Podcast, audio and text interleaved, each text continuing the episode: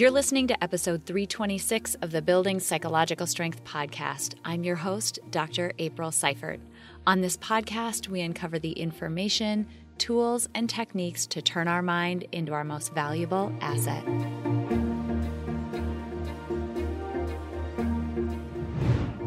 Hey guys, welcome back to this episode of the Building Psychological Strength podcast. I'm your host, Dr. April, and I'm really excited that you're here. Today, we're talking about a topic that I don't think we can cover enough because it is one that permeates our lives. It limits our growth. It keeps us from going after the things that we truly want to do in life. And that topic, my friends, is fear. Today, we're going to be speaking with an expert by the name of Nancy Stella. Nancy has been a leading clinical psychologist in the Cincinnati area for over 25 years. She's a co owner of one of Ohio's largest private multi specialty mental health practices, and there are over 75 providers in that practice. So she has a lot of experience. She combines this clinical experience with her own healing journey, and she's actually developed her own treatment modality called Courageous Brain Process. This is an innovative science based method of therapy that takes into account the most up to date neuroscience and it bypasses the shortcomings of traditional talk therapy to change the way that our brains process fear. How awesome is that? She's just written her first book called Fear Traps Escaping the Triggers That Keep You Stuck. And I'm so excited to hear from her today.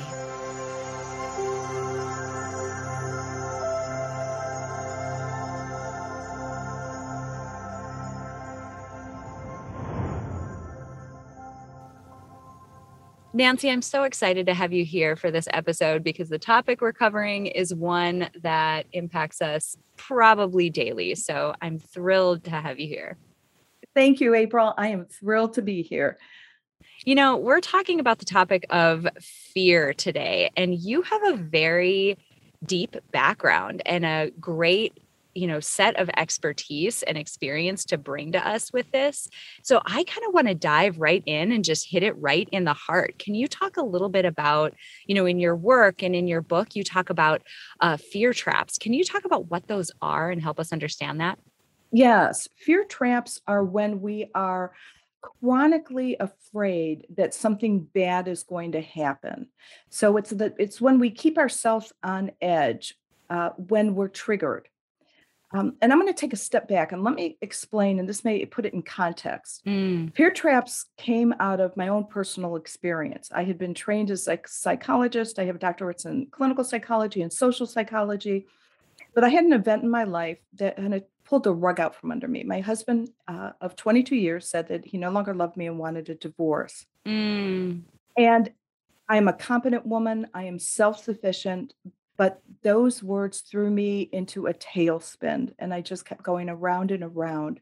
And I couldn't figure out why I couldn't break myself out of this negative way of reacting to him mm-hmm. when, it, you know, because I was feeling overwhelmed. And what I realized was that I was reliving a trauma from the past. And by reliving the trauma from the past, I was acting the age of when the trauma occurred.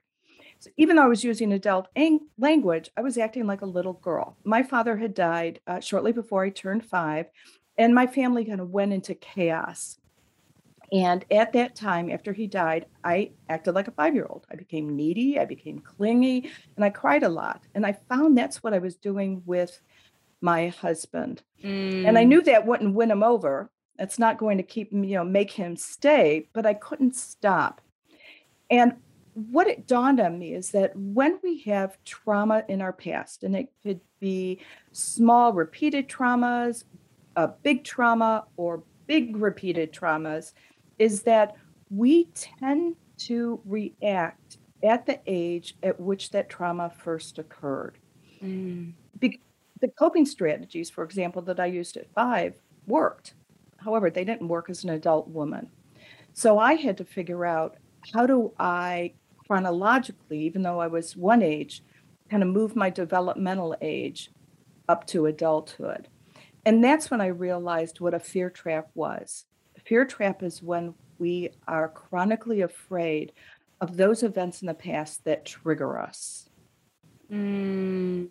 Can you can you dive into the word trigger a little bit because I feel like that word gets thrown around so much these days and when we talk about it in this context it means something very specific. Yes. Yes, and a trigger is when we have an emotional reaction to either an event, thoughts, could be smells, it could be memories, and how we know we're triggered. And that's really what's important is when we feel like this sense of urgency that we've got to fix this right now, or our thinking becomes, you know, very like black and white. It's going to be all or none. Um, those are the kinds of things that that we know we're being triggered. But probably most importantly is when we have an overreaction to the event. So when our reaction is out of proportion to an event, we know we're being triggered. We know that it's past stuff that's influencing what's going on now. That's so helpful. And I, I love that you were in social psychology too. I, I have my PhD in social cognitive psychology. And what's interesting about it is that, you know, we tend to think about the branches of psychology as being very different, right? There were my clinical mm-hmm. friends and they were doing clinical practice work and that type of thing. And I was in the lab doing statistics and research. But what's interesting is what you learn about the mind, especially just the very basics about how the mind works is that almost like the repetitive and i'm going to use a whole bunch of words that i'm going to conflate together because essentially for the purposes of this conversation they all kind of get at the same thing the habits or heuristics or associations or rules of thumb that our mind develops they can develop around these factors in our environment and mm-hmm. you know the example i always give is if you've been walking through a crowd, like let's say you're an adult and you're walking through a crowd of people, and suddenly you smell the perfume or the cologne of someone you dated decades prior and you instantly remember that person and you remember you know things you did with them and what it was like to be with them and you might get emotional that perfume or cologne, that scent is a trigger that your mind developed a set of associations, heuristics, rules of thumb, whatever ha- the case may be, habits around. But what you're talking about is a very specific set of them where those characteristics of our environment lead us into not maybe warm squishy feelings of you know our high school sweetheart right but terror and emotion that can feel big and urgent and hard to deal with. Yeah, absolutely. Absolutely. And typically, when I tell my clients, when they feel that sense of urgency, you know, we, you know, I'll teach them or work with them to learn some self calming techniques. But when they have that sense of urgency, I talk to them about what I call the duct tape rule imagine you would just put duct tape over your mouth and you're going to keep it there for 24 hours. And if after 24 hours you want to react, then you can. Mm. But to mm. give yourself some time to let your brain settle because our brain does settle. We can't stay in a high state of anxiety for that extended period of time. It can come and go, but we can't stay in that heightened state. Mm-hmm yeah, I mean, what you're talking about, and correct me if I'm wrong, is really this fight, flight, freeze response where we feel like I either need to come back at this person, I need to get away from this situation, or you feel completely overwhelmed by it, but there's something happening that you just are not handling or right. don't want to handle. Right. Right. Yeah. And, and most this, people can relate to that. Yeah, exactly. We've all been in that situation. Yes. Yeah. Yeah.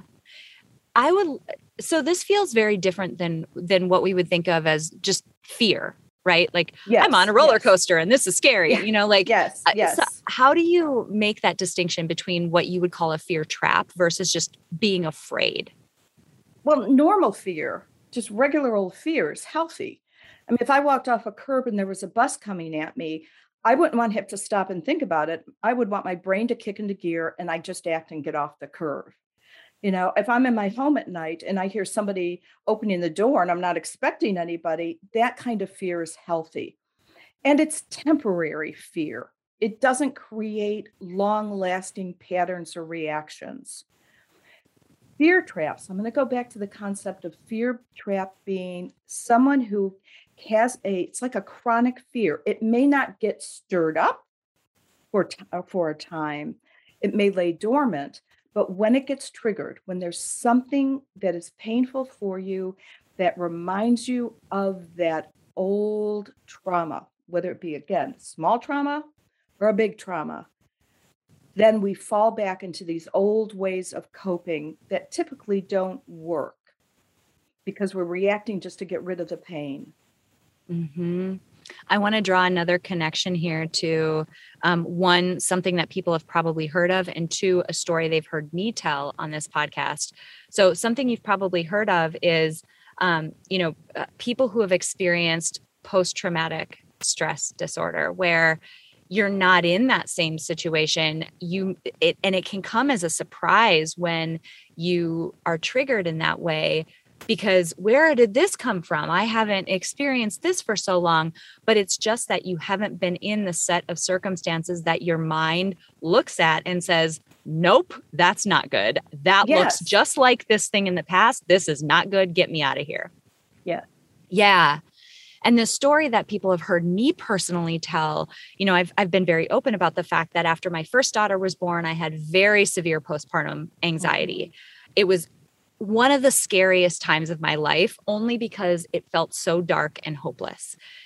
When my second daughter was born, I didn't have postpartum mm-hmm. anxiety. I had a great postpartum experience. However, there were very specific situations that would happen with her that were the exact triggers that brought me back to the situation with my first daughter.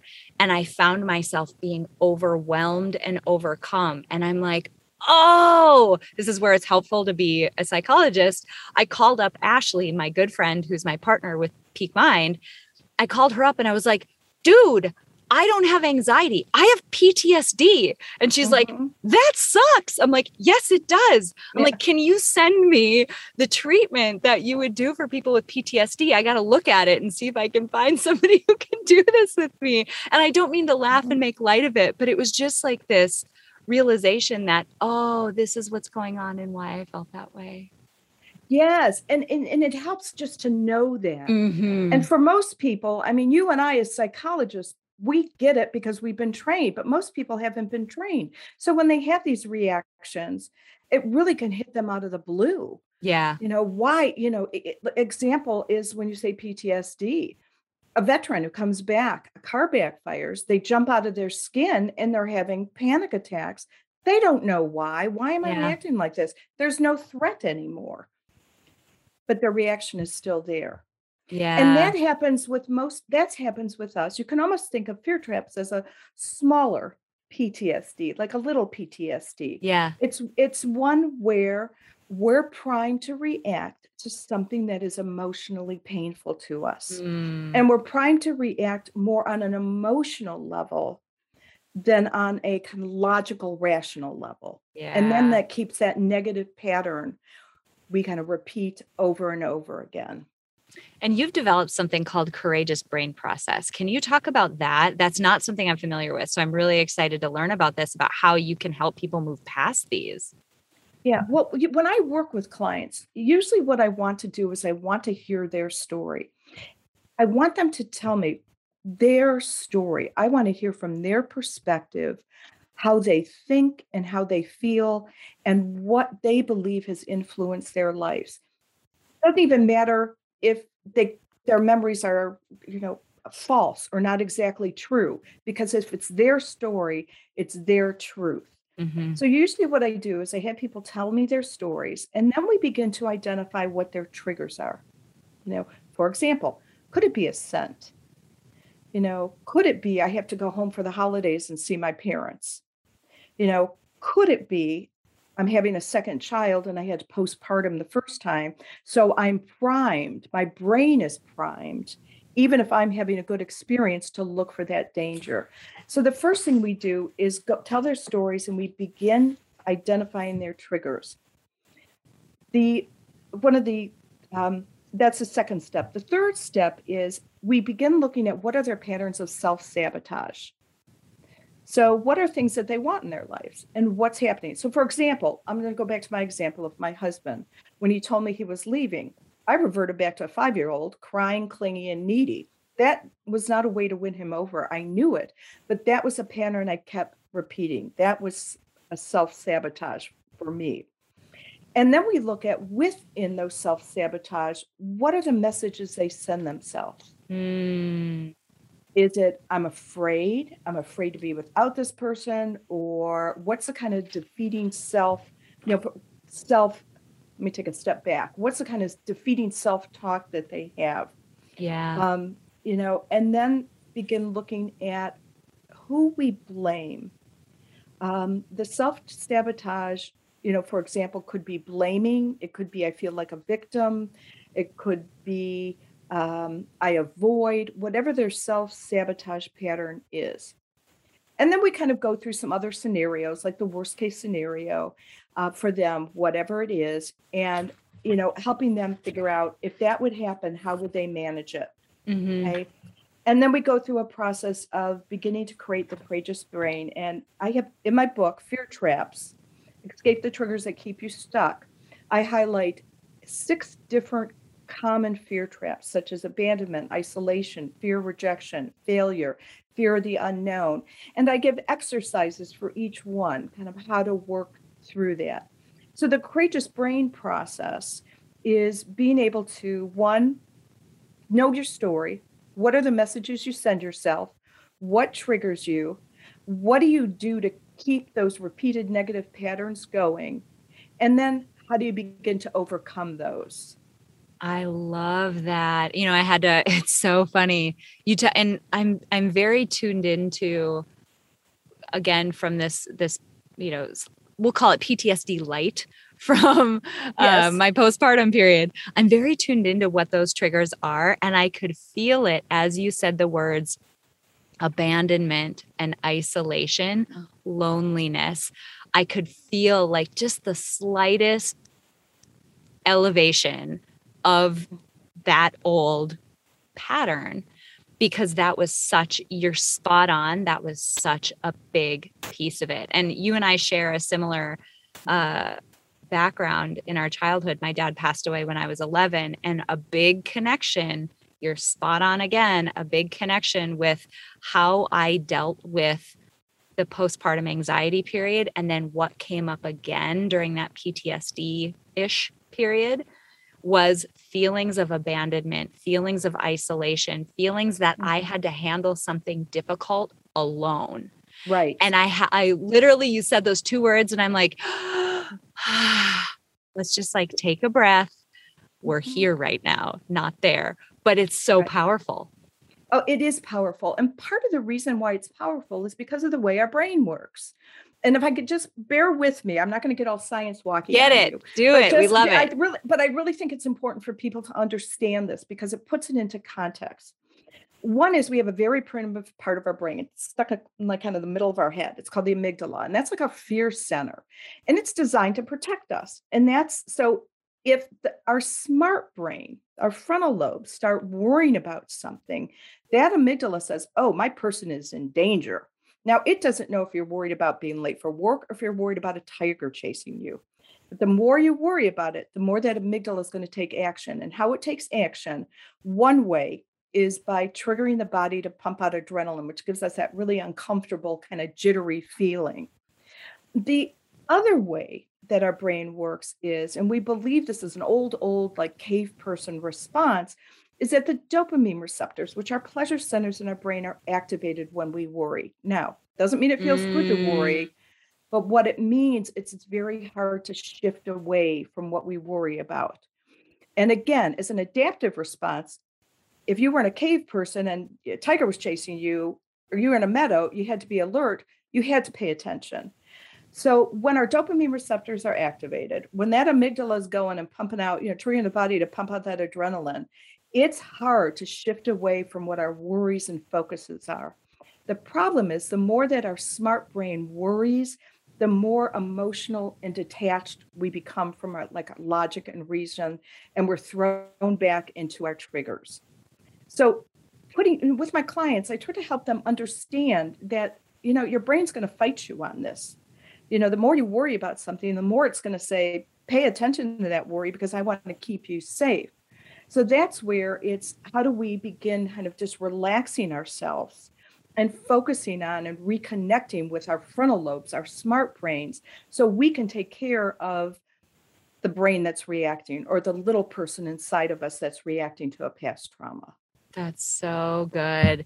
And it makes me think about uh, you know, when we experience situations of trauma, you know, so many times there's so much stigma and so many barriers that keep people from going to therapy mm-hmm. and from seeking help. Typically, what happens is somebody gets to the point where it is so unbearable that the fear of being judged or the costs that might be associated with, or whatever the barrier is, becomes less of a barrier than the suffering that they're in right. on a day to day basis. And then they go.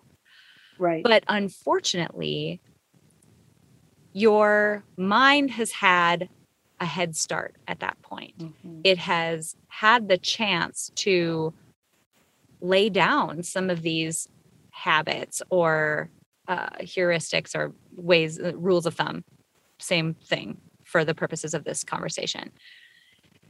And instead, I would love your thoughts about the idea of almost assuming that you so you experience a traumatic event and almost assuming that your mind is going to do what minds do and going to therapy immediately. Yes. Yes, absolutely. We actually know that uh, through research that people who've experienced a significant trauma the faster that they can get into therapy and sometimes add certain medications it's it it's almost like preventing the trauma from sinking in from yeah. setting in um, because what happens is our brain forms neural pathways and a neural pathway is, is our communication center it's how it's, our brain talks to itself and sends messages for how we should feel and how we should act and those neural pathways can be formed from a big trauma you know or it can be transformed from a series of smaller traumas. It's much like um, think about a meadow and you wanted to get from point A to point B. When you first walk from point A to point B, you know, you really don't even can't even really see your path or where you walked. But the more you walk that path, the more it becomes clearly defined. So small traumas are those like continual walking back and forth, those continual drips until you get a clear and defined path or neural pathway. A big trauma is like a truck drove through that meadow and you get the path boom right away. Mm. You know, however, we do know 20 to 30 years ago, we thought the brain, once it was formed, it was formed. We now know that the brain has what's called neuroplasticity, mm-hmm. that we can form new connections. So we can learn to form new neural pathways, which is what I my book does is help us form new neural pathways to overcome those ones that had have been there. Mm-hmm. And you know, when when a big trauma happens, yes, I would say even when people start recognizing smaller traumas, and you're going to know if you're in a smaller trauma if you start feeling this kind of freeze, that fight, fight, or freeze response. Mm-hmm. You know, mm-hmm. this situation is making me uncomfortable. And if you're repeatedly in a situation that's making you uncomfortable, it's time to take a step back and look what am I reacting to? Yeah. Yeah.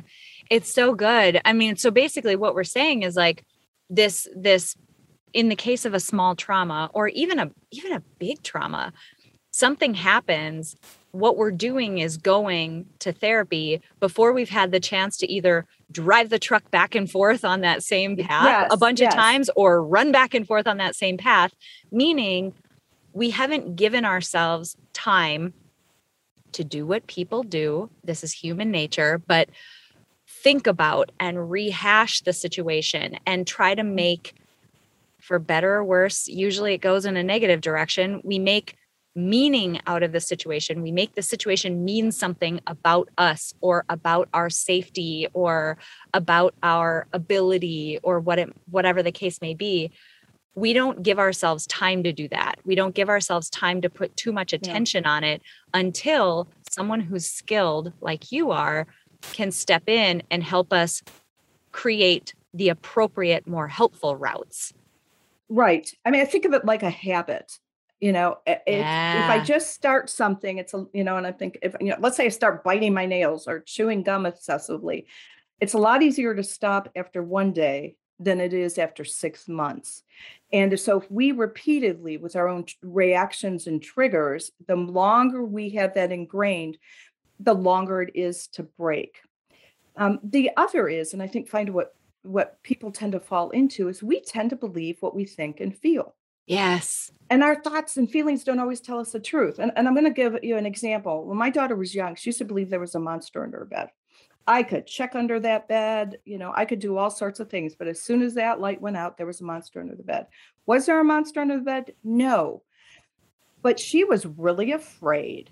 And what she had to realize is that her thoughts and our thoughts and feelings don't always tell us the truth. No but we tend to believe them. And as adults, we all have our monsters under the bed. Part of it is learning when it's a monster and when it's real. Ah, uh, we could talk for hours. This has been, I mean, honestly, when I think about where we began and where we're at now, if you're in this audience and you're listening to this episode, bookmark this episode, send this to everybody because this is a masterclass in not only the basics of how your mind works, but so many of the ways that it just with the best of intention doing its job like it is the it's it's trying it's doing its best but man does it get in the way and mess things up for us sometimes so mm-hmm. oh my gosh i've just loved this conversation like i said we could go for hours um but we can't because this is a podcast and people wouldn't listen to that I would love to understand, you know, with everything we've talked about, it, it's just screaming in my head psych strength, psych strength. What does psychological strength mean to you in the context of the work you do? Okay. For me, it's when we face our fear and we allow ourselves to feel our vulnerability. And when we get through it and to the other side, we recognize that our strength comes from facing our fears and knowing we can survive it. So it's facing our fears, experiencing our vulnerability. And when we get through to the other side, we know that we can survive facing what we fear. I look at my clients, and most of them, when they first come in, don't even realize how courageous they are. Once they can tap into that, it is empowering. Yeah. Doesn't Nancy, mean they're not triggered. Absolutely. Absolutely. But they, I mean, do, but they know how to deal with it. A hundred percent. What's scarier than being in that position where you are absolutely terrified or triggered and reacting in a way that's helpful and doing something about it? Yeah, That's such courage. Yeah. I love it. Nancy, where can people find more, uh, find out more about you? Well, they can go to my website, nancystella.com. And my book came out last week, Fear Traps Escaping the Triggers That Keep You Stuck. And it's available on Amazon. Amazing. We'll make sure we link to both of those in this uh, episode description and on the show notes page. So if you're on your mobile device, you can just swipe up and click on those links. Nancy, this has just been fantastic. I so appreciate you being with us today. Oh, thank you. I'm glad to be here. And everyone listening to this, I'll be back in just a minute. I'm going to share just a really quick recap, make a couple connections, and share a couple of additional resources that, if this episode resonated with you, you might want to check out if you want to go a little bit deeper. So hold tight for just one second.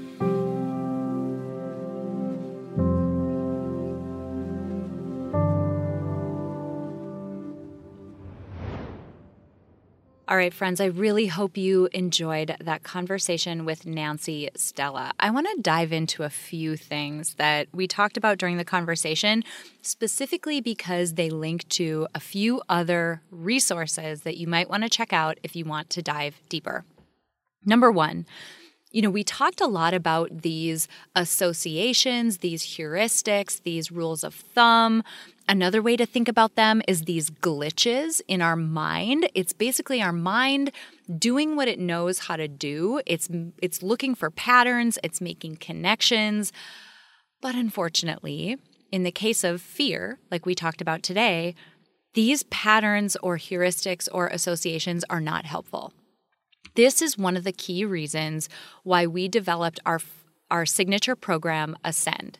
Ascend actually has three different uh, main sections to it. There's a section called You. This is where you get to know yourself, your strengths, your values, uh, you know what you look like when you're at your best. The second section is Your Mind. This section is incredibly relevant to what we talked about today.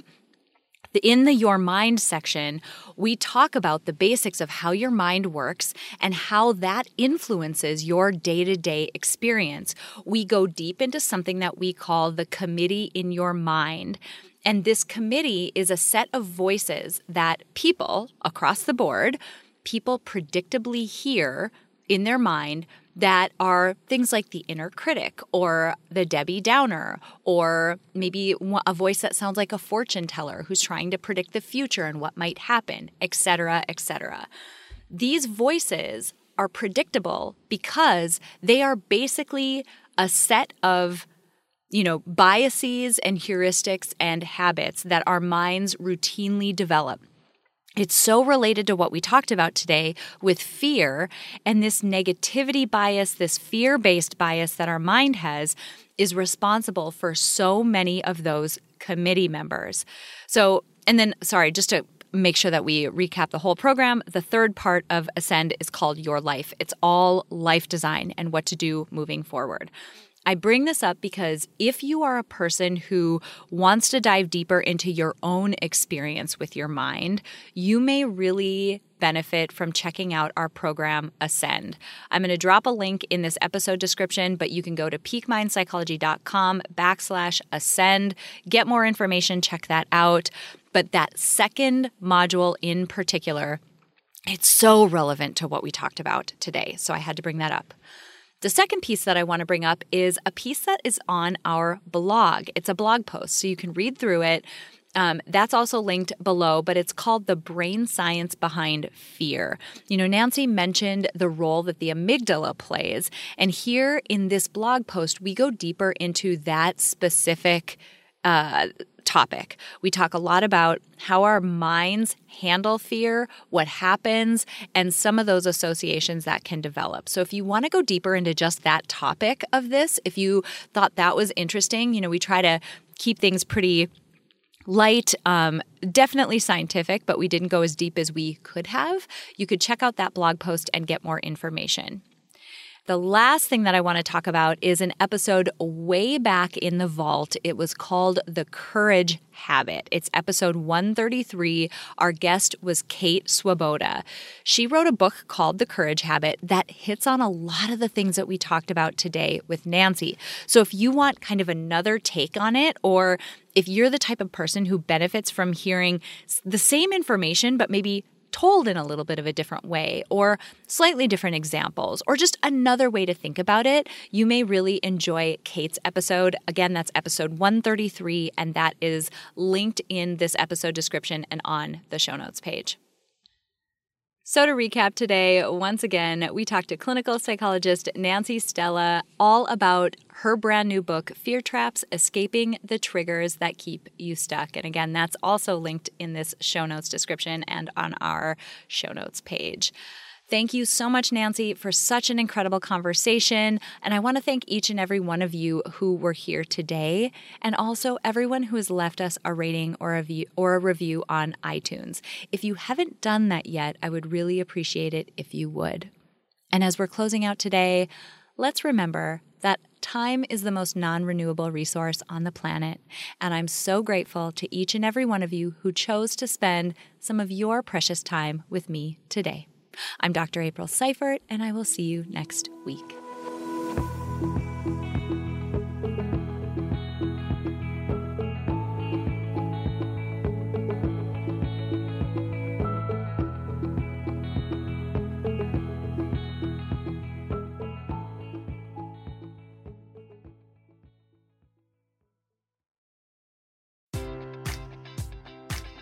Enjoy all your favorite sports like never before at BetMGM. Sign up using code OldLine and receive up to $1,500 back in bonus bets if you don't win your first bet. When you register with BetMGM, you'll get instant access to a variety of parlay selection features, live betting options, and the best daily promotions in the business. And with BetMGM at your fingertips, every play and every game matters more than ever. Remember to use code OldLine and receive up to $1,500 back in bonus bets if you don't win your first bet.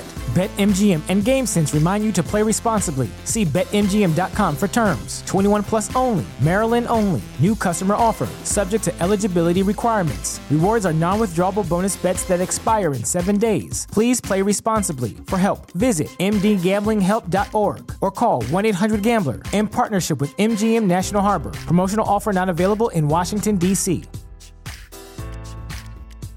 At Parker, our purpose is simple.